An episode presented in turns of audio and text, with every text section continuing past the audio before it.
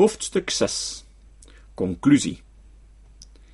6.1 De decaloog van een pseudowetenschap in het hoofdstuk over niet-falsifieerbaarheid en pseudowetenschap heb ik de tien immunisatiestrategieën die in dit werk voorkomen ten opzichte van de psychoanalytische theorie gesitueerd. We zagen dat het om verschillende redenen geen sinecure is om de propositionele inhoud van de psychoanalyse af te zonderen van de clausules en strategieën die door haar verdedigers worden aangewend om falsificaties te ontvluchten. Ten eerste leiden centrale psychoanalytische concepten een epistemisch dubbelleven. Ze verschijnen in een semantisch krachtige en rijke betekenis in de normale praktijk van boute theoretische speculaties, maar ze nemen een mistige en uitgerokken gedaante aan in de nabijheid van weerleggingen.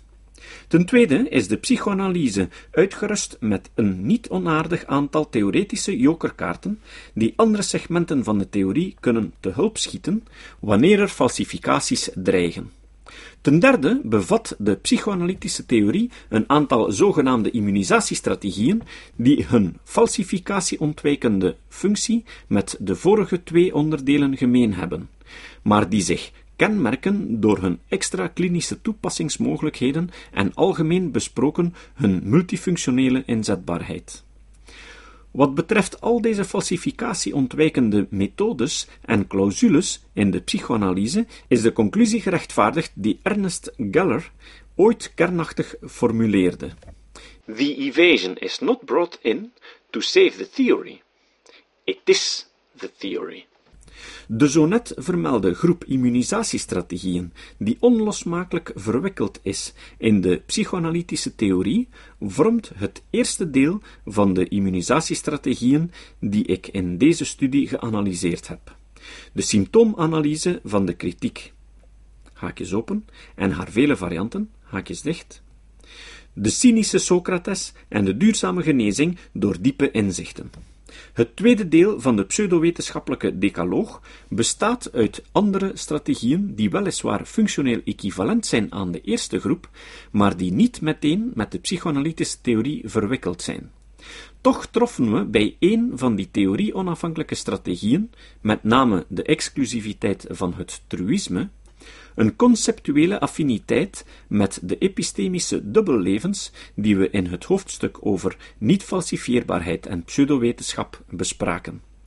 Daar waar het ambiguë dubbelleven van een concept als libido ons echter tot de kern van de psychoanalytische theorie leidde, er bestond überhaupt nooit een duidelijke definitie van de term, konden we bij de strategie van de exclusiviteit van het truïsme wel een meer duidelijke scheidingslijn aanhouden met het theoretische corpus. De ambiguïteit die we aantroffen was niet zozeer aan de theorie te wijten, maar werd door de psychoanalytici die de strategie toepassen zelf gecreëerd.